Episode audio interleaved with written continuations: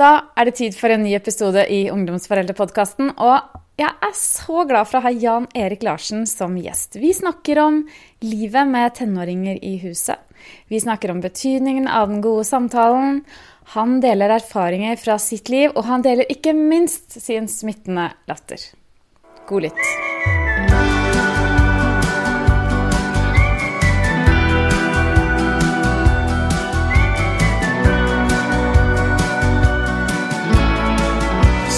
Det kommer til å skje. Du blir voksen, og jeg veit ikke helt hvordan jeg takler det. For de greiene der er søren meg ikke for hvem som helst.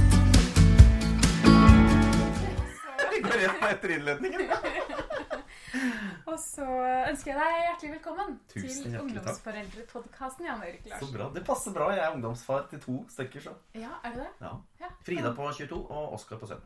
Ja. Frida er ute allerede. Oskar eh, er vel på siste, to siste årene nå.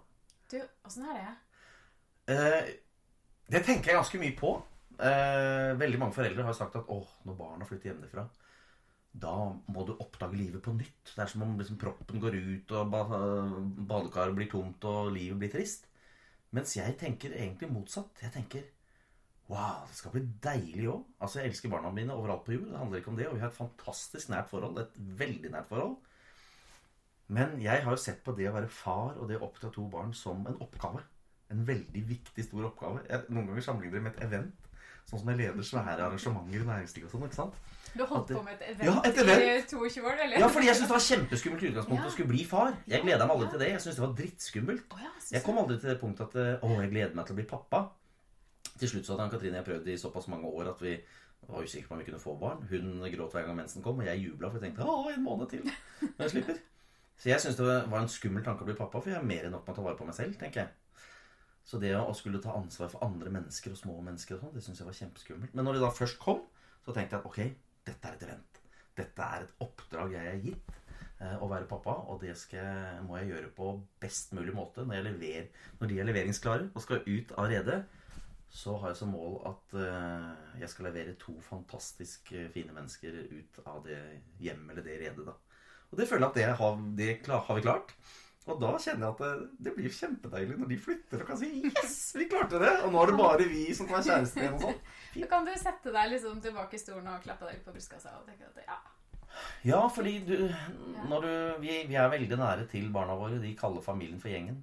Vi har hatt litt andre andre måter sikkert å være på enn enn hva som kanskje er litt normalt. Vi har aldri sett TV sammen, f.eks. Om jeg jobber i TV. Aldri samla rundt et TV-program. Tror ikke det har skjedd, nesten. Men det våre unger elsker, og det vi har opptatt dem til, er tekoppen og samtalene i hjørnesofaen. Og det er blitt en del av um, viktig del for vennene til våre barn òg. Som, uh, som forteller at de snakker jo aldri med sine egne foreldre. De har jo knapt en samtale. Men her, idet de kommer inn i det huset her, så er det liksom sofaen, samlingspunktet, med Ann-Katrin og med meg og med ungene. Og så er det samtale. Åh, jeg elsker det. Så de kaller det gjengen. Det er ja, så Ja, bra. de kaller det gjengen, Mm. og det, det er så bra. Og nå selv når Frida flytter hjemmefra, hennes venninner og venner kommer jo hit og besøker oss selv om Frida ikke er her lenger. Fordi de vil eh, De er nære til Ann-Katrine og meg, da. Så det er en kjempeverdi for oss å få lov til å bety noe i unge menneskers liv. Hva snakker dere om? Om livet. Mm. Veldig på. Jeg elsker å stille spørsmål. Eh, Det er jo det jeg jobber med litt òg, og det gjør jeg litt Noen ganger litt for nære personlig, kanskje, for jeg er litt for uredd. Ann-Katrin sier 'Å, guri malla'. Noen ganger sier hun 'Jeg skulle ønske jeg var like tøff som deg til å stille spørsmål', mens andre ganger sier hun 'Å, kjære Jan Erik, du må være litt forsiktig med hva du spør om, for det kan hende du slår opp noen dører som eh, de ikke er klare for å åpne'. Har du gjort det noen gang? Har du hatt noen opplevelse av det? Ja, jeg har nok det. Ja. Noen ganger. Hvis det er mennesker som jeg føler jeg har kommet veldig fort tett innpå, eh, og de har også kanskje følt at de har uvanlig fort kommet tett innpå oss. Men så har jo de andre Alle har jo sine grenser. Og så har jeg skjønt Du får litt erfaring etter hvert, så jeg skjønner hva som ligger bakom her. Så jeg har gått liksom rett til det jeg tror gnager. Og det har vært for voldsomt. Det har vært for tidlig, da. Eh, så de menneskene har da kanskje etter en, en lang stund etterpå kommet og sagt at Jan Erik, du spurte meg om dette, disse tingene for et år siden. Da var det som å få en knyttneve i trynet. Det var heftig, liksom. Men, men nå Du hadde rett, og nå kan vi snakke om det, og nå er vi nære nok, da. Så. Men det er utålmodig, ikke sant. Jeg plumper uti. Jeg er en sånn som plumper uti. Og så spør og tenker ikke alltid over konsekvensene. Noen ganger går det bra, noen ganger går det ikke så bra. Men jeg tipper at det har vært bra for barna dine. Det har det nok. Ja. Det, det er jo ingenting vi ikke snakker om. Eh, og jeg slutter aldri å bli overraska over hvor eh, ærlige og åpne våre barn er mot oss som foreldre òg, da. Vi har alltid delt alt. Og jeg tror det er litt sånn Oskar nå har verdens skjønneste kjæreste, Ingrid fra Tranby. Eh, og hun har blitt en nær eh, og stor del av vår familie. Og eh, både Oskar og Frida har sagt til sine kjærester og sånn at bare vær klar over at de tingene vi snakker om sånn, vi, Jeg deler det aller meste med mamma og pappa. Fordi det er viktig å ha sparepartner, eh, og de har levd lenger enn meg, og jeg syns de er fornuftige, og de har mye gode tanker og, og meninger og holdninger om ting, så det er greit å spare med dem. Men så får de sine, de har sine egne meninger, og på mange ting er vi jo litt forskjellige. Vi er forskjellige generasjoner og har forskjellige meninger. Men de syns det er veldig ålreit å bruke oss som voksne sparepartnere. da. Og fordi vi alltid har vært har jobba nå i over 20 år som frivillig i barne- Sånn at vi er jo veldig på en track med hva barn og unge tenker, hvordan de lever, hva de er opptatt av, hvordan hverdagen deres er. Fordi vi bruker jo enormt mye tid sammen med barn og unge. Og det gjør at vi, vi, vi er liksom litt up to date da, i forhold til hva, hva de strever med, hva de sliter med, som er helt andre ting enn hva vi, de utfordringene vi hadde når vi var unge. Så eh, det blir en verdi begge veier, både for de unge å ha noen voksne som skjønner dem, eh, og for oss å få lov til å være en del av barn og unges eh, liv. Da, for å være en viktig voksen person i barn og unges liv. Noe jeg tenker kanskje er noe av det aller viktigste for alle barn. Å ha noen sånne bautaer i livet. Noen voksenpersoner, også utenfor foreldre, som du kan komme til. Eh, Voksne personer som har tid til deg, som kan se deg, bekrefte deg, løfte deg og, og hjelpe deg liksom litt på veien. Gi litt alternative veier og retninger som er bra, da. Eh, fordi det mennesket kjenner deg fordi det er glad i deg. Og det kjenner jeg at eh, Kona mi hadde mange sånne i sin oppvekst. Hun hadde fem svære bautaer, sier hun. Jeg hadde ingen. Eh, så jeg var liksom litt i villrede og hele tiden søkte. Søkte voksenkontakt, søkte voksenkontakt. Vi flytta hele tiden. Jeg var alltid han nye gutten. Så jeg savna de bautaene, da. Er det litt derfor, tror du? At det har vært blitt så viktig for deg? Ja, jeg tror Jeg var veldig bevisst fra jeg var bitte liten å bestemme meg for hvordan jeg skulle bli når jeg ble stor. Jeg skulle ikke bli som bestefaren min, som drakk og var sint og var voldsom og i fyll av alkoholiker og, og sånne ting. Lå og tenkte når jeg var livredd og hørte han smelle i dører og skulle drepe både faren min og skjøte den ene og den andre. Så tenkte jeg at jeg skal aldri bli som bestefar. Han var en fæl fyr når han var full, men han var en veldig fin fyr når han var edru. da. Så han var jo to personer, som alkoholikere ofte er. Eh, Så jeg satte veldig pris på han når han var edru, men han drakk mye. Eh, Og så hadde jeg aldri noen samtale med min pappa, som til og med er prest. Og det innrømmer pappa. Jeg sa til han for noen år siden, da jeg var 39 Pappa, du og jeg har aldri hatt en sånn lang, fortrolig samtale hvor du sa til meg i oppveksten Jan Erik, kom og sett deg her. Åssen er det med deg? Fortell. Åssen går det? Nei, det innrømmer han det har vi nok ikke hatt. Vi er fire søsken, da. Og så spurte jeg men hvorfor ikke? Hvorfor tok du aldri initiativ til noe sånt? Nei, jeg hadde jo aldri noe sånn samtale med min far. Hadde ikke du, sa jeg. Hadde ikke du den samtalen med din pappa? Nei. Hva skulle vi ha snakket om, sa han. Pappa er altså født i Berlevåg i 1943. Og opplevde hele brenningen av Finnmark og evakuering og flyktninger og innkvartert hos nazister på Østlandet og Ikke sant? Vi har så mye du kunne snakke om. Så mye fra oppvekst og, og, og sånn. Da han lo litt da han skjønte at jo, det hadde kanskje noe å snakke om. Men det var ikke kulturen, da. Ja, For jeg tenker Det har jo litt med det å gjøre. Jeg tenker det at vår foreldregenerasjon ikke, ikke snakket så mye med oss. Eh, var jo veldig sånn, for det det var sånn det var på den tida. Mens nå er det jo mye mer sånn som du forteller, at vi snakker med ungdommene våre. Eh, Men likevel, altså datteren min kom hjem i går og sa at de hadde spurt i klassen eh, om, om de hadde noen å snakke med. eh, om, om livet, om disse tingene her. Og da sa hun at det var faktisk ganske få i klassen som rakk opp hånden. Eh, og de fleste sa at eh, de ikke snakket med foreldrene sine. De snakket med andre. Det tror jeg er helt vanlig. eh, og jeg merker det på veldig mange tenåringer spesielt, at de er veldig uvant med å snakke direkte med et annet menneske. De kan sende meldinger, og de kan snappe, og de kan være på Messenger og SMS. Men å ringe dem for å ta en prat, det blir Om det blir for nært, for personlig, for farlig, eh, det er det, da er de på usikker grunn. Det å snakke én til én, det kan være heftig. Det kan være tøft. Så tror jeg rett og slett hos mange at um, telefonen, TV-en, alt annet tar så mye av oppmerksomheten vår at vi ikke helt har plass til det. Vet du hva, Det ser jeg i det barnekoret vi dirigerer, da. Det barnekor slash ungdomskor. Men jeg ser det, og spesielt på jenter, den forvandlingen og forandringen de går igjennom idet de blir ni år. Det er liksom den alderen her i livet du får telefon. da. Egen telefon og kommer på nettet. Frem til de er ni, så er de så levende. Og ansiktet går som en sånn der propell. ikke sant? De suger til seg alt av informasjon og observerer alt som skjer i nærheten av dem. Og trekker til seg, og de er utrolig nære og til stede og fulle av energi. Og snakketøyet går som en foss, ikke sant? Men i det, og når det står langs skoleveien, og vi kjører bygdeveien her Jeg kjører tidlig om morgenen, og det står masse unger på bussholdeplassen, Og kjenner jeg jo de fleste på de fleste holdeplassene. Og jeg tuller og tøyser opp med vinduet og herjer og tuller. Og de er helt med til de er ni år. Idet de får telefonen, så flyttes hele den der utadvendte fokusen voff, rett ned på den skjermen.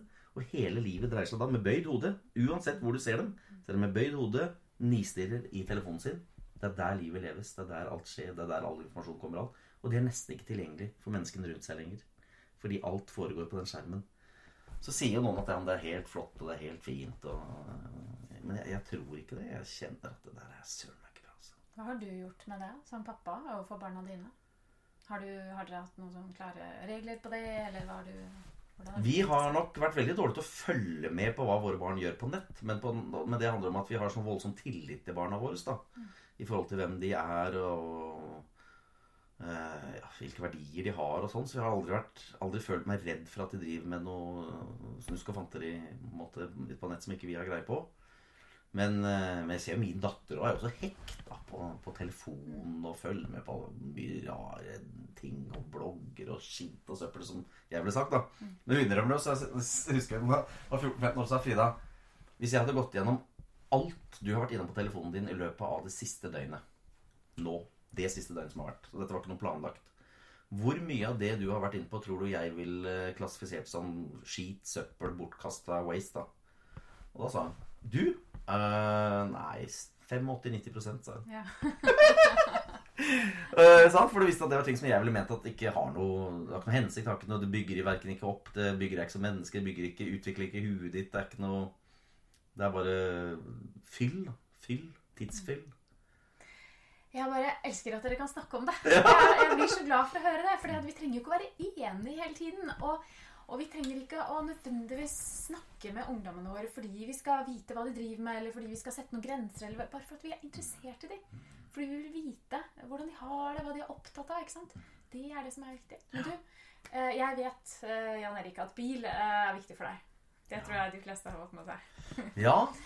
Det var min Ja. store passion fra jeg var liten. Sånn medfødt uh, lidenskap. Ikke fordi jeg er født i noen stor bilfamilie, egentlig. Nei.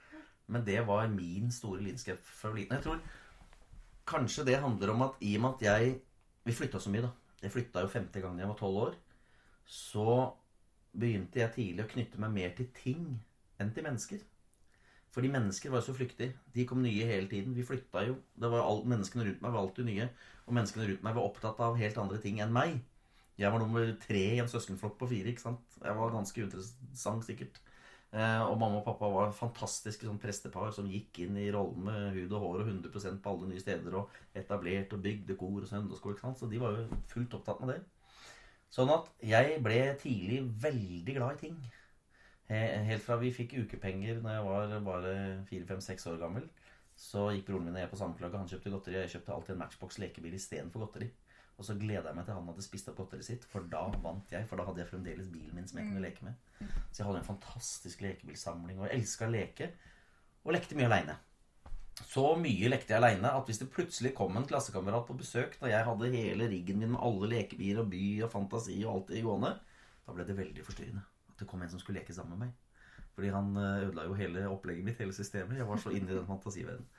Og det utvikla seg da til mm, Jeg gikk i bilbutikker ofte på fritida. når vi- På de nye stedene vi flytta. Ble veldig fort kjent med alle de voksne som jobba i de lokale bilforretningene. Visste til enhver tid hva slags biler de hadde, hva de kosta, hvilke bruktbiler de hadde, hva selgerne het. Samla på brosjyrer, klistremerker. Så jeg var nok en liten rar figur eh, i mange bilbutikker.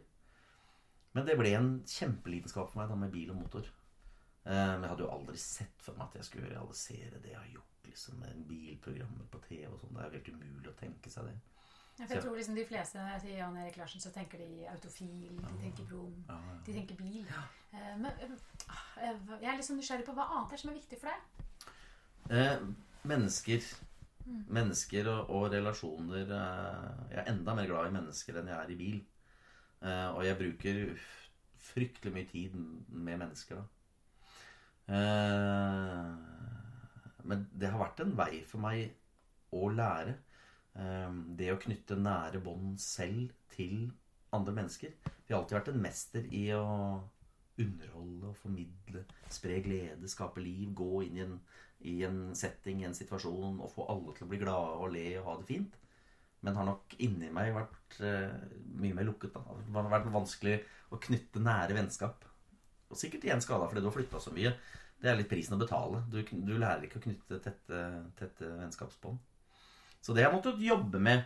Og det er ikke mange år siden jeg sa til kona mi at nå føler jeg liksom for første gang i livet at nå har jeg, nå har jeg faktisk fire gode kamerater.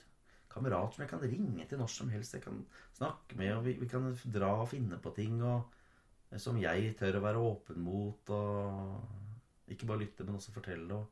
Og det opplevde jeg som en enorm verdi, altså. Og nå har jeg blitt ekstremt velsigna siste året. En av mine aller nærmeste kamerater som deler trua, som deler musikkinteressen, som man spiller gitar når jeg synger og sånn. De har kjøpt nabohuset. Det er de som holder på å bygge nede ved postkassa der hvor du kan Å, så opp nå. koselig. Så de holder på å bygge der man skal bygge et eget hus. Begynner nå til uka, som blir musikkstudio, som de kaller Bryggerhuset, men bare fullt musikkstudio hvor vi skal produsere musikk og kose oss og jobbe sammen med Så det er en velsignelse å få to av sine Og, og kona er en av de nærmeste vennene til min kone. Så det å få så gode venner i nabolaget, så glisgrendt som, vi- som vi bor her, det er rått. Det kjenner jeg på. Så noen dager hvor, hvor jeg kan kjenne at jeg er litt trist og litt nedfor og sånne ting, da kan jeg tenke på Christian og Inger har flytta i nabohuset. Og da blir jeg glad igjen! Ja, det skjønner jeg. For det er mye skog her. For lytterne så vet jo ikke de hvor vi sitter, men altså hjemme hos deg. Ja. Eh, langt inn i Lirdalen. Mm. Eh, opp mot skogen. Ja, ja. Ja, Finnmarka ligger jo hele bare bak her ja og bader. sant. Men de hadde svært hus og tett boligstrøk og alt mulig, og bare ble kjempelei av å bo så tett. Hun ville ha plass. Og så Den dagen var ukens bolig her, og 17 mål tomt, og de bare klinka til. Og kjøpte hus i nabolaget vårt. Én av fire sjanser til å bo i vårt nabolag. Det er jo ikke flere hus her. Nei, Så det er eh, helt utrolig flott for oss. det skjønner jeg. Naboene betyr mye. Ja, det gjør det. Vi har veldig gode naboer, altså. Ja. Ja. ja. Så vennskap rett og slett har blitt kanskje enda viktigere for deg? Eh, Ja, for det har jeg savna. Jeg har savna nære venner. Jeg har savna Jeg har alltid hatt stress i meg når vi har bodd et sted i fem-seks år. Så har jeg villet flytte. Selge, gjøre opp, komme meg videre. Fordi det lå i meg. Så Ann Katrine skal ha all æren for at vi har liksom blitt boende her. Og her blir vi boende. Her har vi bodd i over 20 år nå. Eh, og det er takket være henne. For hadde det vært bare opp til meg Hadde hun hørt på meg, så hadde vi sikkert flytta her fra år til fire-fem-seks år. Da var jeg ferdig med et sted. Da skulle jeg videre. Nytt sted. Hadde rastløs, var rastløs og hadde uroen i meg. da Men det å få da å etablere seg et sted, bli kjent med menneskene som bor her, eh, bli kjent med barna, få lov til å følge generasjoner fra de er små barn til de blir unge mennesker, til de blir unge voksne, kommer tilbake til bygda, etablerer seg her med sine egne barn. Nå er det rett før vi får inn førsteklassinger i barnekoret, som er barn til foreldre som vi også hadde i koret her. det har jeg meg så til. Jeg kan ta imot en liten potet og vite at det, og den blir levert av en mamma eller pappa som selv var i koret her. Det blir skjønt, altså. Du, har du drevet med barnekor så lenge? Det er helt fantastisk. Ja. Hva, hva gir det deg å, å gjøre dette på fritiden? Nei, Med tanke på at jeg, jeg tror at vi er skapt for hverandre. Eh, og det eneste som kan bekrefte deg som menneske, er jo et annet menneske. Verdens tøffeste bil kan jo ikke bekrefte meg overhodet som menneske. Eh, eneste måten en tøff bil kan bekrefte meg på, er hvis jeg stopper på en bensinstasjon med en Lamborghini, og en annen kommer gående og sier Å, fett! Er det en Lamborghini? Så kan jeg kjenne Wow! Stolt, ikke sant? Da ble glad. Eh, men bilen i seg selv bekrefter jo ikke meg i det hele tatt. Det må et annet menneske til for å bekrefte. Og det å gå inn i kjerka der på øvelse hver mandag og møte den horden av unge mennesker og små barn og foreldre som sitter der, og vi bekrefter hverandre og ser hverandre og, og får være nær til de ungene og inspirere dem og dirigere og tulle og tøyse og alt, det er gull verdt. Og nå til helga skal vi på årets eh, helgetur igjen med hele gjengen. Fylle buss og drar av gårde. Så det er sliten som en strømpe på søndag kveld, selvfølgelig, men det er jo en utrolig fin helg. Eh, så det betyr Det betyr liksom alt. Jeg tror det Jeg har lært at de dagene hvor jeg kan kjenne at du er litt sånn nedpå og litt trist og litt lei deg og sliten og sånn. Du møter da mennesker som da kan bekrefte deg, og som kan eh, reflektere deg og lyse på deg tilbake. Så da begynner jeg å klukke igjen. Da svever jeg. Hva betyr troen din for deg, Jan Erik? Veldig mye. Troen har betydd eh, Det er noen ting i livet som betyr alt, og troen er en av de tingene som betyr alt. Og det, troen min var nok redningen òg i min oppvekst med all flyttinga. Fordi jeg hadde en fantastisk søndagsskolelærer i Drammen. Da jeg bodde i Drammen og var eh, seks år gammel. Jeg var med i søndagsskolen i Daniels menn. Og han, Hans Jørgen Skarre, han søndagsskolelæreren, karismatisk fin fyr, han ga seg til Hvis jeg skal gi dere ett godt råd, så skal det være å ta imot Jesus. La Jesus flytte inn i hjertet ditt og ha ham som bestevenn gjennom livet. Da har du alltid en bestevenn, uansett når og hvor du er. Og var det noe jeg trengte, så var det en bestevenn. ikke sant? Så jeg åpna hjertedøra på vidt gap. Og kjære Jesus, flytt inn i hjertet mitt og bli min bestevenn! Og så smelte igjen døra. ikke sant? Og siden da så har Jesus liksom vært med meg på alt som min bestevenn. Så jeg har, jeg har prata enormt til Jesus når jeg har vært eh, Gikk masse turer hele oppveksten. Mye aleine. Eh, og da prata jeg med Jesus. Prata, prata, prata. Så mamma sa det til meg en gang. Eh, da jeg var tolv år gammel, så sa mamma Jan Erik, eh, du blir aldri liksom flau av å være kristen og flagge Jesus, og du snakker liksom om Jesus som om, som om ja, han var, var helt virkelig, da. Du hadde blitt mobba og sånn for at du er liksom så åpen på ditt vennskap med Jesus. Og da skjønte jeg ikke spørsmålet og sa til mamma Kan ikke være flau av bestevennen din.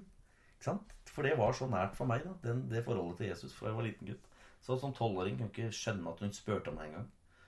Eh, Så det var helt naturlig for meg å ha Jesus som bestevenn. Det har bare, det har bare blitt værende sånn.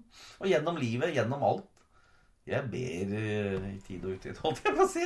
Jeg tar han med liksom gjennom eh, hver dag i alt jeg gjør, og i møte med mennesker. Prøver å være flink til å, å legge alle møter med nye mennesker som jeg vet skal skje, da. Legge det i Jesu hender òg. Og så be om at jeg må møte de menneskene på en god måte. At, eh, at jeg må se dem, at jeg må bli Prøve å være litt bevisst på det.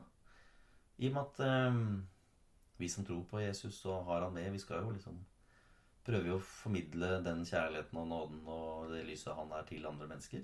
Og da tenker jeg vi prøver å være bevisst på det også. Sånn at når jeg møter andre mennesker, at de også kan oppleve at det var et bra møte. da. Det var hyggelig å møte Jan Erik. Det var ålreit. Jeg følte meg sett, og jeg følte, følte meg løfta. Da tenker jeg at jeg har gjort noe av det Kanskje oppgaven min også er som en kristen. da. Prøve å spre litt varme og glede og godhet til mennesker rundt meg. Så det er en fin Det følger jo veldig mye med visdom med å bli godt kjent med Jesus. Da får du lære mye bra. Veldig mye bra om gode verdier og fine verdier til å bygge samfunn og fellesskap på. Så jeg prøver å etterleve det med andre ganger. Jeg er helt ræva på det. Selvfølgelig. Det jo, jeg har jo masse sinne, jeg har masse temperament, jeg har masse, jeg sikkert bokstaver i alfabetet og alt mulig, og sl- har jo mye å slite med sånn. Men jeg prøver å være bevisst, da. På det innimellom som treffer det. Det å gi det videre til barna dine, har det, hvordan har du gjort det? Eh, På hvilken måte har det liksom preget deres familieliv? De har jo vokst opp på sett og vis i kirka, de òg, sånn som jeg gjorde. Grunnen til at vi starta med, med barnekor i, på Lierskogen når vi hadde bygd hus der i 94, det var første stedet vi bodde. Eh, Det eller hadde kjøpt eget hus, da. Det var jo når Frida ble født. Eh, Og så tenkte vi som foreldre, småbarnsforeldre at eh, alle foreldre bør engasjere seg i noe. Være med å bygge lokalmiljø og sånn for små barn. Og det er veldig mange pappaer som havner på fotballbanen eller håndballbanen og sånne ting. Og det kunne jeg også gjort hvis det ikke var for at jeg overhodet ikke har peiling på fotball og håndball. og sånne ting. Jeg er skikkelig dårlig på det. Så jeg tenkte hva kan jeg gjøre? Hva kan jeg bidra med eh, som jeg er god på? Og det er musikk og inspirasjon. da. Så tenkte jeg barnekor. Vi kan starte barnekor. Og der var det ingenting. Det lille kapellet på Lierskogen. Så vi tok kontakt med presten og fikk nøkkel til kapellet og dro i gang med Libagos av Lierskogen barnegospel. Og ble en kjempesuksess. Og dette gjorde jeg parallelt med at jeg var programleder i God elg. vet du. Norges mest populære barne- og ungdomsprogram. Kan tenke deg det var populært å komme i koret til Så det ble jo kjempe Det ble jo vi hadde svære oppslag Se og Hør og aviser og alt med, med barnekoret på Lyskogen Det ble kjempepopulært. Og når vi da flytta hit, så tenkte vi ok, da må vi ha en kirke i gangavstand herfra. Da fortsetter vi med å dra i gang kor der. Sjåbagos, Sjåstad barnegospel. Så vi holdt på med det da i snart 20 år. Ehm, så, så barna våre så har vokst opp i det. Eh, Frida elsker musikk, eh, datteren vår. Og det gjør sønnen vår for så vidt òg, Oskar. Så de har vokst opp med det og opplevd det som et veldig positivt sted å være med. da Selv om de driver med masse annet. For meg var det bare kirke. Mamma og pappa var jo ikke engasjert i noe annet enn kirke som preste. Så jeg hadde jo ikke noe alternativ til kirke, så jeg var i kirka hele tida. Mens dattera vår har drevet med hest og med fotball og alt mulig ved, siden av eh, kirka. Men det falt så eh, naturlig og fint for henne at hun som 13-åring Da syntes hun det var for barnslig det mamma og pappa gjorde, så hun ville starte tensinkor. Så hun starta det som 13-åring og spilte piano og dirigerte, og plutselig var det jo over 30 sanger helt opp til 19 år. Og hun 13-åringen var dirigent og primus motor. Og... Så hun har fortsatt Det er i ferd med å bli hennes levevei med korting. Ja. Ja, hun skal jobbe med Gospel Explosion nå når hun er ferdig utdanna. Reise rundt i Norge med det. Så eh, det har jo i sannhet prega henne, da, den med, med musikk- og kirkebakgrunnen. Men de har vært helt frie. Oskar slutta som leder etter hvert i, i Showbag også, i kirkesammenheng. Hadde lyst til å gjøre andre ting og var ivrig håndballspiller og spilte Bring-serien og kjempedyktig. Og, og det har vært gøy for oss som familie også har ha andre arenaer enn kirken å engasjere oss på. Så som supportere da for håndballaget og med en uke i Gøteborg med Partillecup hver sommer og masse cuper og henge i hallen her på treninger og kamper, det syns jeg har vært veldig stas. Å være sammen med andre pappaer og fedre og Det er viktig å leve, selv liksom vi som er engasjert i kirka og har, har, har engasjementet vårt der, det er viktig å leve i samfunnet for øvrig. Å leve ute blant folk der ting skjer. Vi kan ikke bare være i kirka og alt skal foregå i kirka og, og, og sånn. Vi må jo leve ute blant folk og i Det er sant. Ja. Jeg er veldig enig. Men du, eh, jeg har også barn som synger i kor. Eh, Og nå før jul så hadde de konsert. Ja. To julekonserter. Og der var du. Ja. Og så fortalte du juleevangeliet. Det var nå i desember, ja.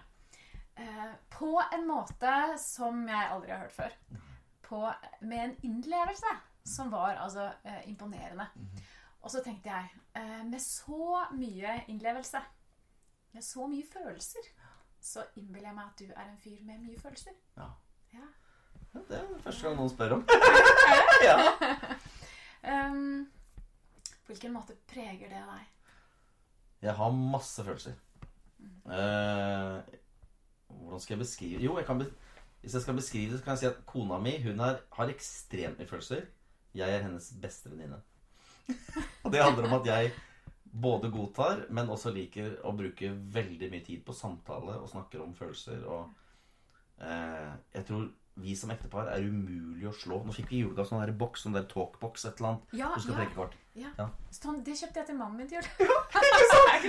Fuelbox. Ja, fuelbox, det stemmer! Ann-Katrine elsker å sitte, at vi sitter Mm. Ja. den om kvelden. Men greia er at vi kjenner hverandre så ufattelig godt at det er nesten ingen utfordring, nesten ikke noe spenning der. For vi kan hverandres følelser og tankesett helt ned til minste detalj. Mm.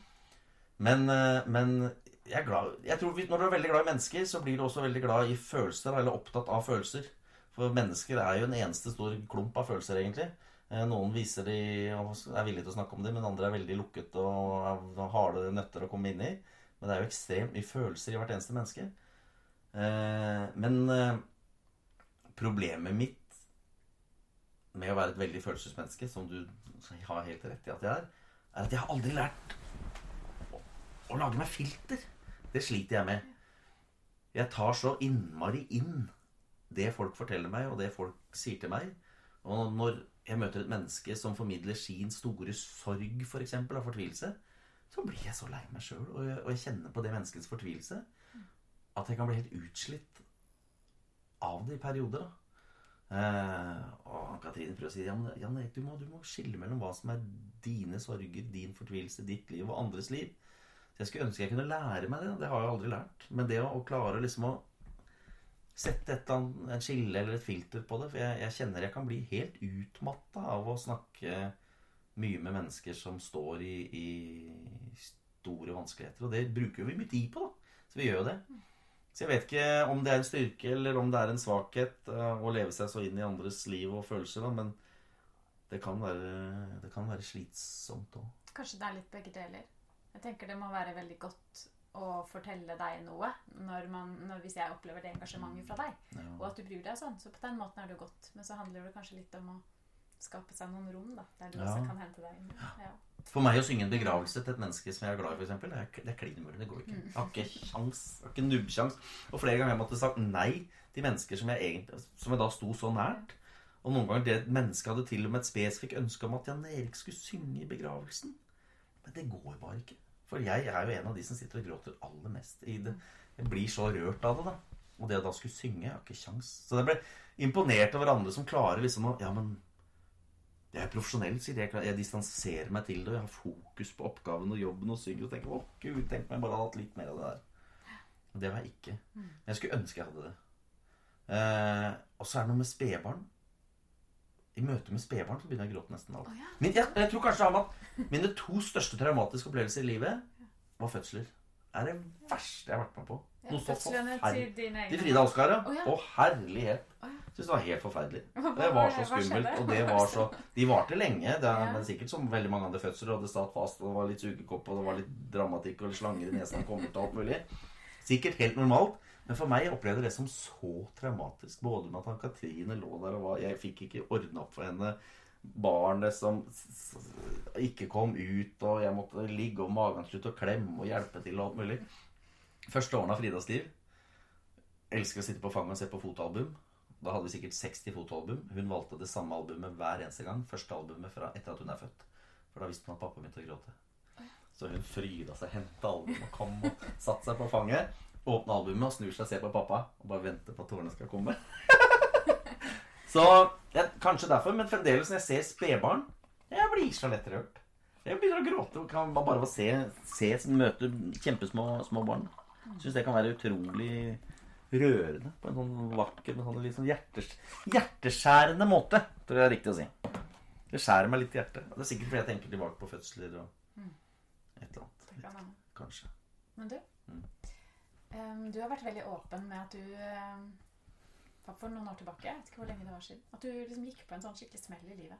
Ja. Ja, Ordentlig som 39-åring. ja 39-åring. Ja. Det er sikkert en grunn til at det kalles 40-årskissa. ja. Hva Det, skjedde? det var eh, Det var eh, Jeg var idiot.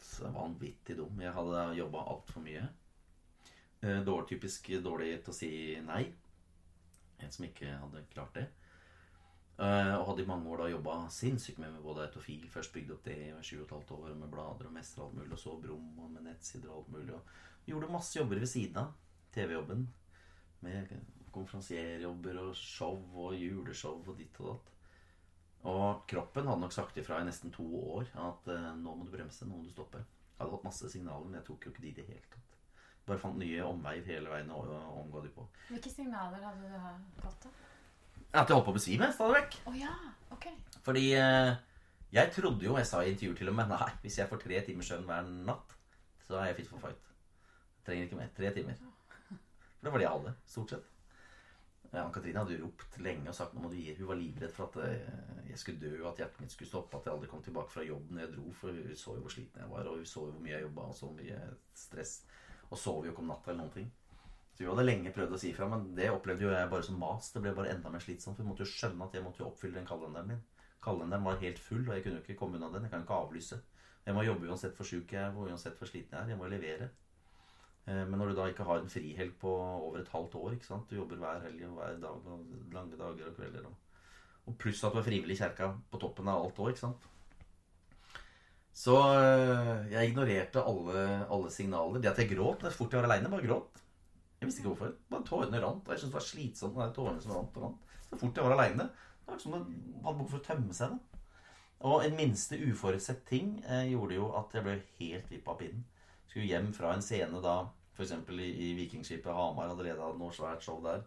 Og skulle vært på Rudskogen neste morgen klokken syv på morgenen. Så jeg visste at hvis jeg nå kjører rett hjem, så rekker jeg sove tre timer før jeg må stå opp og dra. Og så er det plutselig omkjøring gjennom Oslo på nattestid, vet du.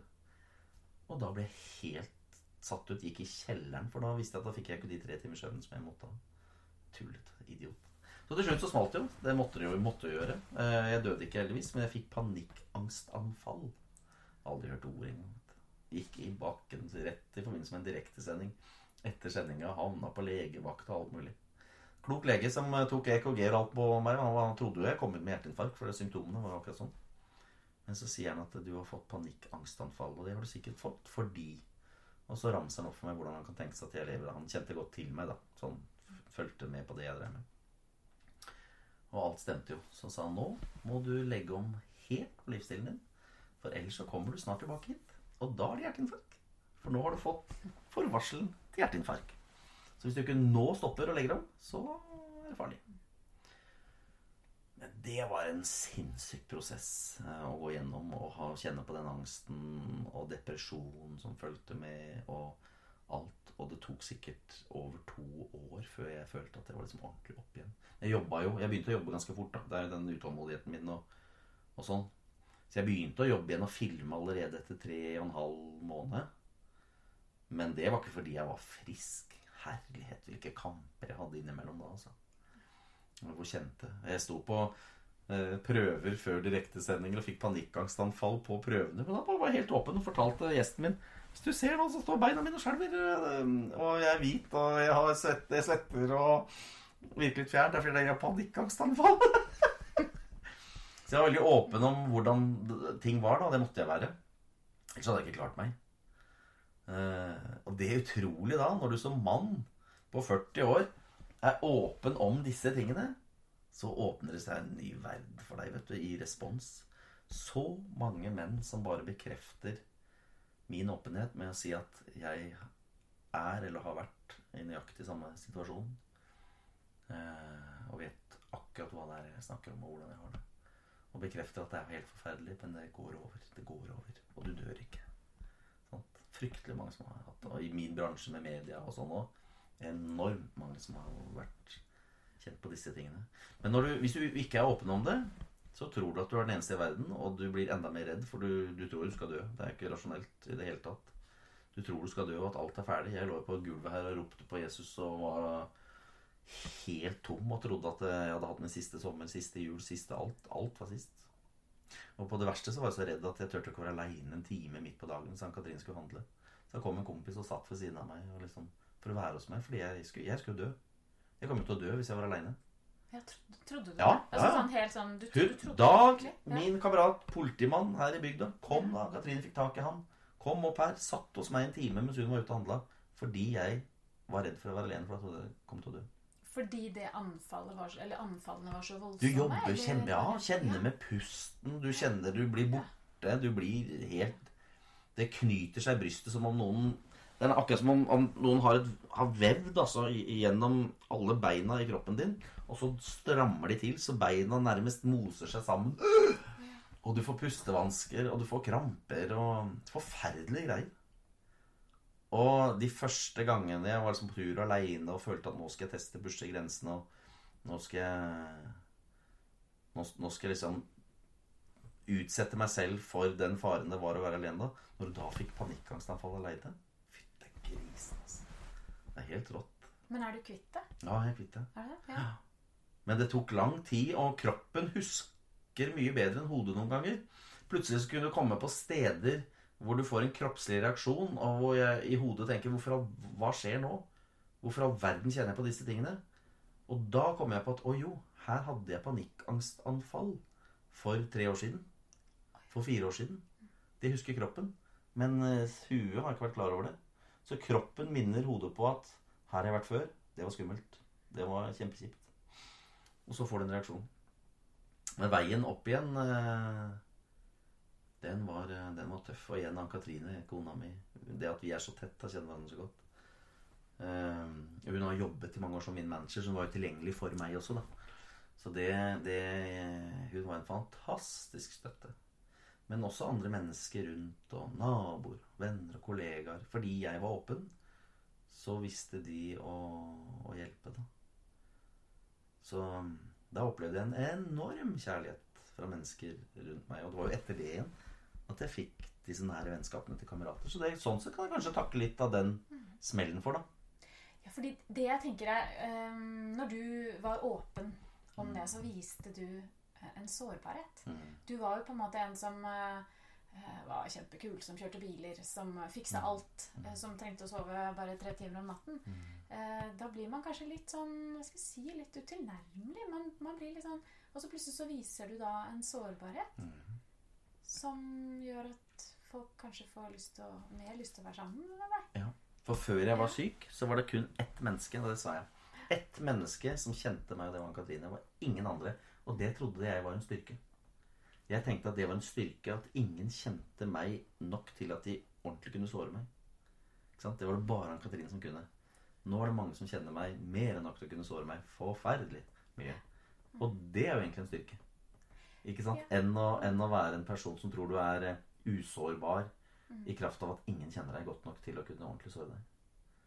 Men jeg trodde, jeg trodde det var styrke, men det var det, var det motsatte. Ja, fordi jeg tenkte at vi til slutt nå skulle snakke litt om det begrepet livsmestring som Mm. tas inn i skolen og sånn. Og for meg så handler livsmestring mye om å våge å være sårbar. Mm.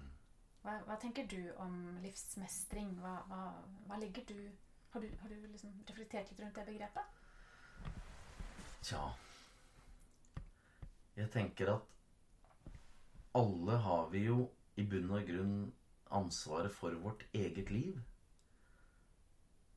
Men så blir vi jo konstant utsatt for massivt av påvirkning, av innspill, av eh, forslag og press og på grensa til tvang innimellom utenifra. Av mennesker som ønsker å både få en bit av oss og bli en bit av oss og påvirke oss og dra oss i, i forskjellige retninger. Eh, og det å leve både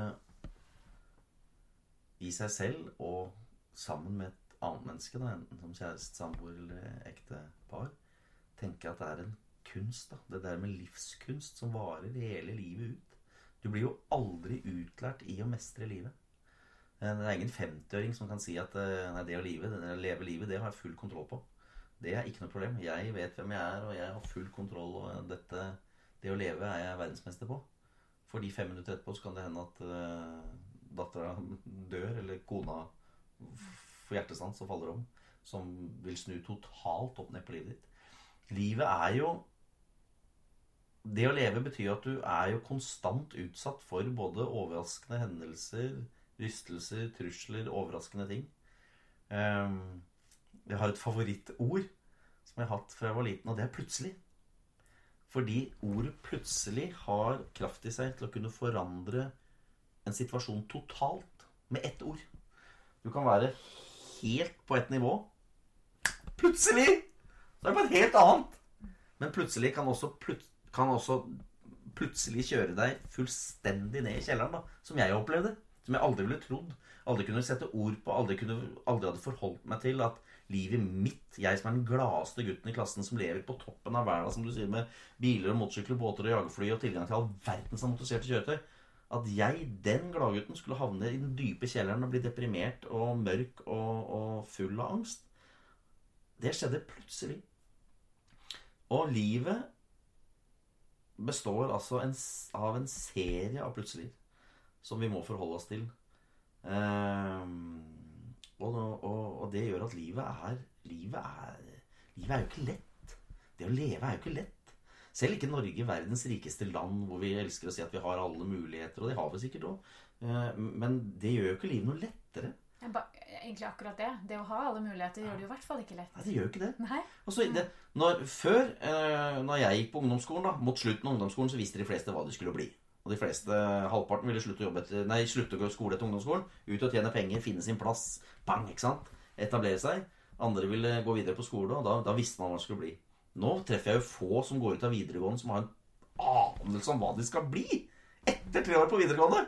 Fremdeles så sier de aner ikke hvilken retning skal ha, fordi de har all verdens av valgmuligheter. Sånn sett er det herlig å møte 14 år gamle konfirmanter fra Kvinesdal som kommer på ungdomsleir med Volvo-caps og Volvo-jakke og står med armene i krøss og betrakter alle andre rare ungdommer på konfirmasjonsleir fra hele Norge. For når du spør dem hva skal du bli ah, Hadde bare tida gått litt fortere, sånn at jeg ble 18 år, så jeg kunne få lastebillappen. For jeg skal bli lastebilsjåfør inn i firmaet til faren min og onkelen min. Fjerde generasjon. Bilen står klar. Han veit åssen Ikke sant? Og da tenker jeg fy søren, så herlig. Den ungdommen, han er trygg. Han veit akkurat hva han skal allerede som 14-åring. altså. Eh, og da tenker jeg at eh, hadde jeg vært ungdom, så ville jeg misunt han litt. Grann, som hadde livet liksom lagt opp, og ting lå klart. Det var bare å, å gå inn i, i rollene, liksom. At det er lettere. Eh, så det, det livsmestring er et fryktelig vanskelig ord, tenker jeg. Fordi eh, hvem, hvem mestrer egentlig livet? Hvem av oss mestrer livet? Det er vel ingen som mestrer livet. Det er, det er alltid en utfordring, det å leve. Uansett om du er fattig eller rik, eh, og, og, og hvilke omgivelser og omstendigheter du må forholde deg til, så er det å leve er en kunst som er eh, Jeg tenker det, det, det viktigste er at vi har et bevisst forhold. At hvert menneske at vi må prøve å ha et bevisst forhold til hva vi fyller livet vårt med. For jeg tror at alt det du putter inn i hjernen, det blir jo værende der. Vi har en ekstrem lagringskapasitet i hodet vårt. Vi er jo noen vandrende sinnssykt eh, datamaskiner. Eh, og det vi velger å putte inn i hjernen, det vi velger å se, det vi velger å ta inn der, det blir jo værende. Jeg har jo fremdeles bilder, klare bilder i hodet av den eneste skrekkfilmen jeg har sett i hele mitt liv. Den så jeg som 13-åring. Jeg kan beskrive den i detalj ennå. Den blir værende der. Jeg har bilder som jeg skulle ønske jeg aldri hadde sett. Som jeg dessverre så, og som da ligger i hjernen der, som jeg kan plukke fram og hente fram. Bare vi snakker om det nå, så vet jeg hvilke bilder det er. Og de, de ligger der. Du blir ikke kvitt dem. Eh, Så vi må være uhyre bevisst med hvordan Hva vi velger å fylle tankene våre, sjela vår, hjertet vårt med. da. Eh, Fordi eh, alt vi fyller eh, der, inn der, blir, det blir værende. Vi skal bære det med oss. Det er, vi er utstyrt. Vi er født med en stor trillekoffert. Og den trillekofferten den drar vi med oss hele livet. Og så har vi alle da et eget ansvar for hva vi fyller den kofferten med. Eh, og så er det dessverre sånn at noen mennesker går allerede i ung alder og triller på en forferdelig tung koffert som er fylt opp ikke av dem selv, men av andre mennesker som, er, eh, som har fylt opp vonde ting i den kofferten. Som disse menneskene må dra på uten at de selv har valgt hva det innholdet skulle være. Så livsmestring, nei, det er, eh, det er vanskelige greier. Det er sant. Men det er et ord vi skal, vi skal snakke litt om, tenker jeg. Mm. Fordi det blir litt skummelt eh, når det tas inn i skolen, og, og hvis noen da misforstår, tenker jeg, det ordet, og forventer at nå lærer barna å mestre livet på skolen. Skjønner du? Nå lærer de nå, Du har jo hatt livsmestring, så du må jo fikse det her. Men det å mestre livet mener jeg i hvert fall i stor grad handler om å få folk å være litt sårbar. Et verktøy jeg har brukt, et som jeg lærte etter at jeg ble syk, da, etter at jeg gikk i bakken, det var i, i forhold til det å ha et bevisst forhold til hva jeg bruker livet på, hva jeg fyller det med, det er å bruke skjema. Skrive. Skrive hvilke ting, hvilke ingredienser i livet er det jeg føler gir masse mening, som gir energi, som er viktig for meg, og som jeg har lyst til å gjøre, og som jeg får glede av. På samme måte skriver en liste. Hva er det jeg føler trekker ned? Hva er det jeg syns er eh, ubehagelig, vanskelig, vondt? Og så forholde meg til de listene og se ok, av de tingene som er kjipt og som er dumt. Jeg, hvor mye har jeg det? Hva kan jeg gjøre med det? Hvordan kan jeg rydde opp i de tingene? Sant? Og være bevisst på å prioritere de tingene som gir livet mening og innhold som er, er eh, bra. Da. Bra for meg, bra for omgivelsene, bra for familien min og menneskene rundt meg. Og ha et bevisst forhold til det. Ikke bare starte hver dag sånn helt åpent og bare ta imot det alle andre Det verden ønsker å bombardere deg med. Må, vi må sette litt skjold rundt livet vårt. da Og være litt sånn Ok, dette er meg. Jeg er bevisst på hva jeg tar inn. Jeg er bevisst på hva jeg tar imot. Jeg er bevisst på hvilke baller jeg tar og sentrer videre, og hvilke baller jeg bare lar gå forbi. Må ikke bare sluke alt rått og ta imot alt, og, og, og må ikke la oss påvirke for mye av andre mennesker. Vi må ha et bevisst forhold selv til, til vi, hvem vi ønsker å være, og hvordan vi ønsker å leve livet vårt. Og Du.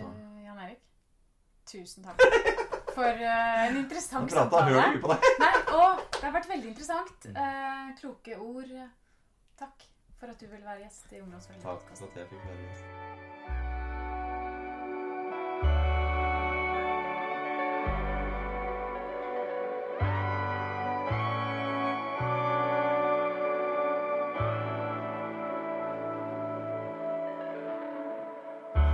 Hvordan er det med luft der ute? Hvordan er det med gravitasjon? Lyser stjernene midt på dagen? Hvem skal du ringe når du savner noen? Hvem står i døra og roper du skal inn? Hvem holder med deg i motvind? Hvem følger med så du treffer siste trinn?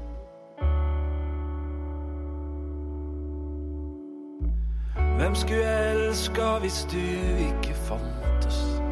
Hva skulle jeg brukt hele hjertet på? Hvor skulle jeg sendt mine gode tanker? Hvem skulle jeg vært glad i og sinna på? Hvordan veit jeg at du skjønner hvor du skal? Hvor kan jeg måle om du har det bra? Skjønner du sjøl hva du bør styre unna?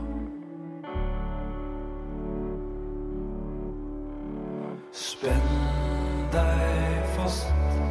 Veien er lang når du ser den ifra ditt perspektiv. Spenn deg fast. Og ikke vær redd, for det er bare et liv.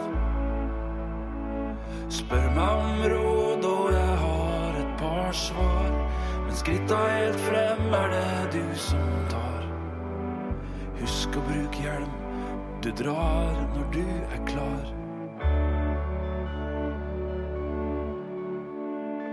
Får du plass til alt du burde ha med? Hva kan jeg si som kan feste seg godt? Hvorfor fins ord for så mye annet? Hvor kan jeg se om du har forstått? Svinger du hit om du har veien forbi? Gir du en lyd hvis du har litt tid? Skal jeg sette på kaffen? Er du sulten? Og så snakkes vi. Spenn deg fast. Veien er lang når du ser den ifra ditt perspektiv. Spenn deg fast. Og ikke vær redd, for det er bare et. Spør råd, og jeg har et par svar. Men skritta helt frem er det du som tar. Husk å bruke hjelm, og du drar når du er klar.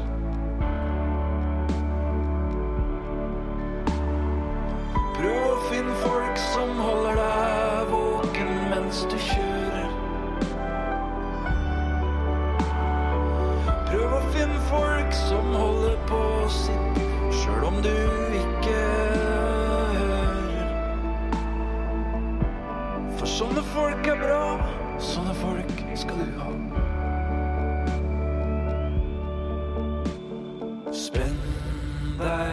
Fast. Veien er lang når du ser den fra ditt perspektiv. Spenn deg fast, og ikke vær redd, for det er bare